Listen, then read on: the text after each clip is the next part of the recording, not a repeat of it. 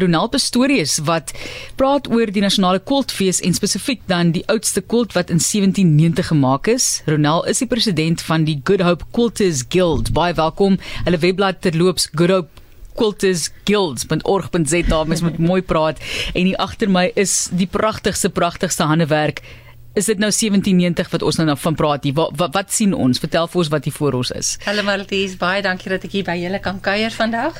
Hierdie is 'n replika van die quilt. Ehm um, die die quilt self is baie broos en natuurlik kan ons daar nie so in haar ore rondsleep nie. Ek wou nou net sê toe hulle sê ja, hierso is die quilt, toe dink ek ja nee, dit gaan hom iets wees wat jy nie sommer sal uitneem, wegneem uit die uit die spasie waar dit bewaar word nie. Ja, ons was gelukkig genoeg dat ons dit wel kon gereël kry. So Sarah Dreyer se quilt is in 'n suurvrye kussie ingepak en gaan na die quiltfees toe gebring word waar sy dan ter besigtiging sal wees vir almal wat die fees bywoon. Sjoe. Sy word net eenmal 'n jaar uitgehaal omdat sy al so 'n sensitiewe toestand is, hmm. maar sy is pragtig bewaar. Hoe groot?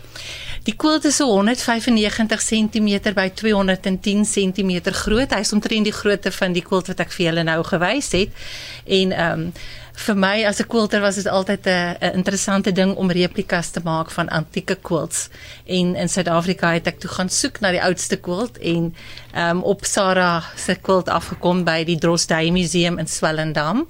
En uh met die fees wat ons nou aanbied het ons toe 'n uitdaging gegee aan al die quilters in Suid-Afrika dat hulle moet saamspeel en uh, elkeen ook 'n quilt maak wat geïnspireer is deur die quilt van Sarah Dreyer.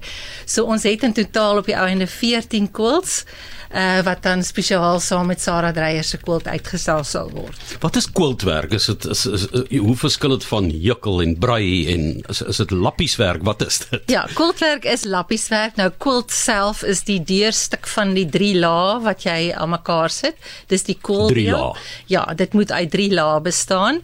Ehm um, en die die laslappie werk is dan wat jy aan die bo kan doen en dan quilt jy om deur om op die ou einde 'n quilt te maak. Was dit om praktiese redes dat mense uh, die drie lae gebruik het vir sê byvoorbeeld beddegoed en uh gaansvere en ja, goldsvere en so meer. Ja, quiltwerk is uh, kom uit die middeleeue en mense het maar altyd materiaal gebruik wat hulle ter beskikking gehad het. So dit het begin deur letterlik mielieblare wat tussen twee laagies lap gesit is vir ekstra hitte en om dit bymekaar te hou is dit dan deur gequilt uh, dat die laagies nie van mekaar skei nie. Nou ja, vandag in moderne tye het, het ons wonderlike produkte wat ons kan gebruik, maar die definisie van 'n quilt bly daai 3 lae. Nou Sarah Dreyer se quilt is eintlik nie reg quilt nie. Hulle noem dit 'n 'n coverlet. Ek weet nie wat is die Afrikaanse woord nie. So hy het nie daai tussenin laagie nie en dit is waarskynlik as gevolg van die warmer klimaat wat ons in Suid-Afrika het wat dit soms weggelaat is. So ehm um, die tegniek is quilt maar die een laagie is weg daar sê jy. Ja. Die die uh, oudste quilt nou, die Sarah Dreyer vertel ons 'n bietjie van die agtergrond daarvan.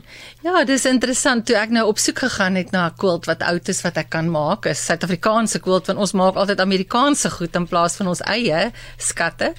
Ehm um, het ek die quilt ontdek en toe nou navorsing gedoen oor haar. Nou Sarah Dreyer was die dogter van die eerste dreyer wat uh, Dreyersdal die plaas daar in die suidelike voorstede ontvang het. En sy is in 1768 daar gebore. Sy drie boeties gehad en hulle het al drie plase geërf in die omgewing. En sy het op die ou einde Dreyersdal ont uh, geërf en sy is getroud met 'n minnik. En ehm um, toe ek nou navorsing doen dink ek minnik minnik. Toe kom ek ook agter dat JBM Hertzog was haar uh dogters kleinseun gewees. En dis want ek het probeer agterkom waarom het hierdie kult so goed bewaar gebly? En dis natuurlik omdat dit uit 'n familie kom waar ehm um, kunswerke regtig gewaardeer was die kunsvorm nie net in Suid-Afrika nie maar deur die wêreld um, is dit gesog en kan 'n mens dit in museums byvoorbeeld sien deur die wêreld? Was jy al bevoorreg om interessante dinge raak ja, te loop? Ja, dit is 'n absolute passie van my. So ek het self oorsee gewoon en daar baie met kultwerk te doen gehad. In Suid-Afrika is daar baie kults in ons museums wat goed bewaar word en dit is nog steeds 'n groot internasionale bedryf. Ek weet die kultbedryf in Amerika is 3 miljard dollar sterk. So dis baie groter as wat mense weet. Jy weet maar daarvan as jy self in daai wêreld beweeg. In Suid-Afrika ehm um, het ons ook die die die nuwe tendense van kuns kunskwilts, ehm um, wat 'n bietjie ander tegnieke gebruik en dan ook die nuwe moderne kuns uh uh kwiltwerk wat dan meer vir jonger mense ehm um, aanspreek omdat dit groter eenvoudiger lyne het en nie so gekompliseerd is om te maak nie. Waar het jy oorsee gebly?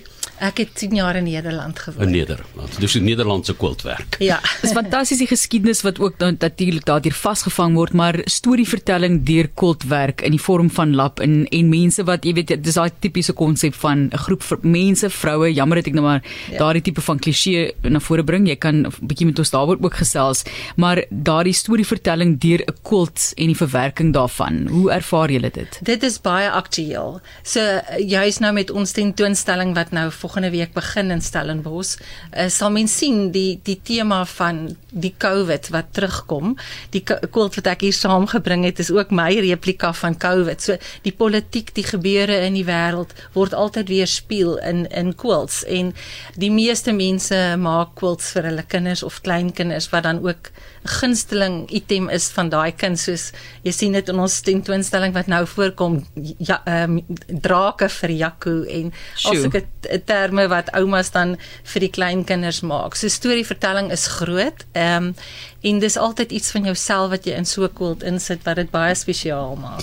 Kom ons gesels oor hoe gewild dit is. Dit voel vir my weer eens asof hierdie tipe van handewerk meer en meer gewild geraak het die afgelope tyd. Hoe ervaar julle dit met mense in Suid-Afrika? Wel, Martelies, ek sou wou sê ek glo dit is so. Ehm um, ons grootste uitdaging is om is om te kyk hoe ons jonger mense by die by die uh, kuns kan betrek en mense is besig. So dit is 'n probleem maar die daar is baie mense wat quilt. Ehm um, ons het in, in Suid-Afrika as ek moet skat seker maklik by die 10000 quilters. Sjoe. En uh, dit is almal in groepe opgedeel en nie almal behoort aan 'n gilde nie. En ek ek wil net sê ek kyk baie keer daarna en dink ek moet jy wiskunde hê om te kan om quilt werk te kan doen want dit moet so presies gedoen wees vir dit om verkoop te kan word byvoorbeeld of of hoe dit ook al sê want ek ek weet nie hoe julle dit doen nie. As jy dink aan die een wat ons nou nou kyk, die replika, dit is soveel detail, die een wat jy hier voor ons ook het, die kleinste stukkies lap wat aan mekaar gewerk word en presies is. So, hoe lank neem dit om hierdie tipe van werk te kan doen en so presies daarmee te kan wees? Ehm um, ek kan vir jou eerlik sê dit neem nie lank om die kuns te bemeester as jy dit by die regte persoon leer nie. Ehm um, ons het byvoorbeeld die mense wat ons saam met ons in die huise werk geleer om met hierdie spesifieke tegniek wat jy om papiertjies oortrek baie akkurate werk van hulle eerste quilt af. En dit is so 'n kreatiewe uitklep dat mense raak regtig gou verslaaf daaraan. So as hulle net begin, dan is dit sommer ehm, 'n um, lewenslange ding wat dit vir hulle word. Ehm um, hoeveel tyd mense daaraan spandeer is, ja. dit is onmoontlik om te te bereken want mens kan nie daai ure tel nie, maar dit is daai kreatiewe proses wat in jou gebeur wat so soveel werd is vir hmm. jouself wat dit skep op daardie noot van soveel werk dis natuurlik geweldig terapeuties wou ek nou volgende vra Ja, en dit het jy gesien tydens COVID, die navorsing wat gedoen is onder Quilters internasionaal, is dit was 'n groep mense wat gesond deur COVID gekom het. Die meeste mense sal sê ek was bly ek het skielik ekstra tyd om aan my lappies te kan werk. En dit sien ons in die pragtige quilts wat nou tentoongestel sal word by die Quiltfees. Die Quiltfees is um, oor 'n paar dae, so dit gaan vir mense geleentheid gee om in en uit te kan loop. Gaan julle ook 'n bietjie tegnieke demonstreer daar um, ja. vir mense wat belangstel of is baie keer soos jy begin in iets belangstel of rose of klivias of wat ook al en dan as jy so eendag aan die gang en dan trek die stokperdjie jou in en dan skielik raak dit sommer 'n onderneming maar jy kort die fynere tegnieke. So Wat gaan julle alles vir mense op 'n skinkbord gee dan? daar is baie wat aangebied word. Ons het meer as 80 verskillende klasse en onderwys, 28 onderwysers wat klasse aanbied hierdie dag waar mense kan loer en daar is baie ehm um, kultwinkels van oor die hele land wat kom om hulle waarde uit te stal en dan ook uh, praktiese uh, demonstrasies daarso byhou. En ehm um, ek wil net tog terugkom na wat Martelies ook gesê het. Ons het heelwat mans wat deelneem aan ons uh, quiltwêreld. Uh, so dit is nie meer iets net vir ou tannies nie. Ons het jong mense, ons het mense van al die uh, rassegroepe in Suid-Afrika. So dis regtig die diversiteit van ons kultuur is word uitgebeeld in ons quiltwerk en met die verskillende tegnieke wat daar was. So by die quiltfees is daar ook twee uh, eintlik drie uitstallings wat mense gratis of baie goedkoop kan gaan sien. By die Rupert Museum is daar vanaf Woensdag die Suid-Afrikaanse tekstielkunstenaars wat hulle vir ons uitstal. By die Tekstielmuseum in Dorpsstraat in Stellenbosch het ons 'n versameling uh, antieke quilts wat in privaat besit is wat ons bymekaar kon gemaak het om daar uit te stal en dan het Hazendal ingespring en vir ons 'n groep quilts uit die Oosbloklande gekry om uh, by hulle uit te stal um, om die diversiteit in te bring maar ook om daai versoening daai genesing wat kom uh, deur kunste selfs in oorlog uh, makende lande hè, van ja. die Oekraïne en Rusland. Ja. ja. Baie interessant. Fascinerend, ja. ja. Ek wil net vir jou gevra die die oudste quilt. Waar gaan julle dit uitstal? Hy word op die verhoog in die Ebenezer saal by Renish Girls Eye waar ons fees is uitgestal. Ehm um, ons het alles spesiaal goed voorberei vir Sarah om daar te kom kuier by ons. So ja, kom loer gerus en dit is 'n een eenmalige kans want sy word net eenmal in 'n jaar uit haar 'n kussie gehaal omdat sy so breek breek broos is. ja, ek wil nou net so aansluit by Matelies ook oor die wiskunde want dit lyk my altyd dit is is dit ek weet nie of dit 'n hektagram is of uh, Vaderland. Ek wil ek, ek wil nie weet ek wil net daarna kyk en na aanvat. Maar dit is altyd so 'n uh, tipe van 'n uh, spesifieke patroon. Nie al jy kry vierkante en so ook. Is dit 'n tradisionele manier om daardie is dit agkantig of seskantig? Ja, seskantig. Die heksagoon is 'n baie ou vorm wat in alle kunste gebruik word. Ehm um, en sien dit in die natuur natuurlik ook. Maar ehm um, wat so interessant is, die heksagoon in quiltwerk is vir die eerste keer in die laat 1700s gebruik. En Sarah Dreyer sure. wat in die Kaap was, het in dieselfde tyd het sy daai vorms in haar quilt gebruik wat ook net wys dit was nie 'n geïsoleerde landjie elders ver weg van Europa en die beskawing nie. En is dit 'n sterk manier van hegting? Ehm um, ek sal nie sê besonder sterk vir quiltwerk nie want jy het baie hoekies, maar dit bly 'n beminlike en 'n veelsidige vorm om mee te werk. Want sokkerbal is lyk ook so, né? Ja, 'n vaardigheid wat skrik vir niks. Ons sê vir jou baie baie dankie vir die inspirasie. Dit is so mooi en die moeite Lenfit Gerber van Durban wil wat ook sê.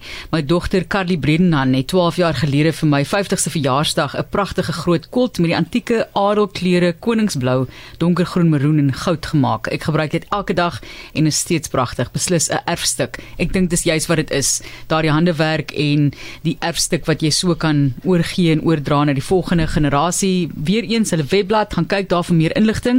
Good Hope quiltersguild.org.za en die fees wat hierdie jaar plaasvind. Baie dankie aan die president Ronel Pastorius.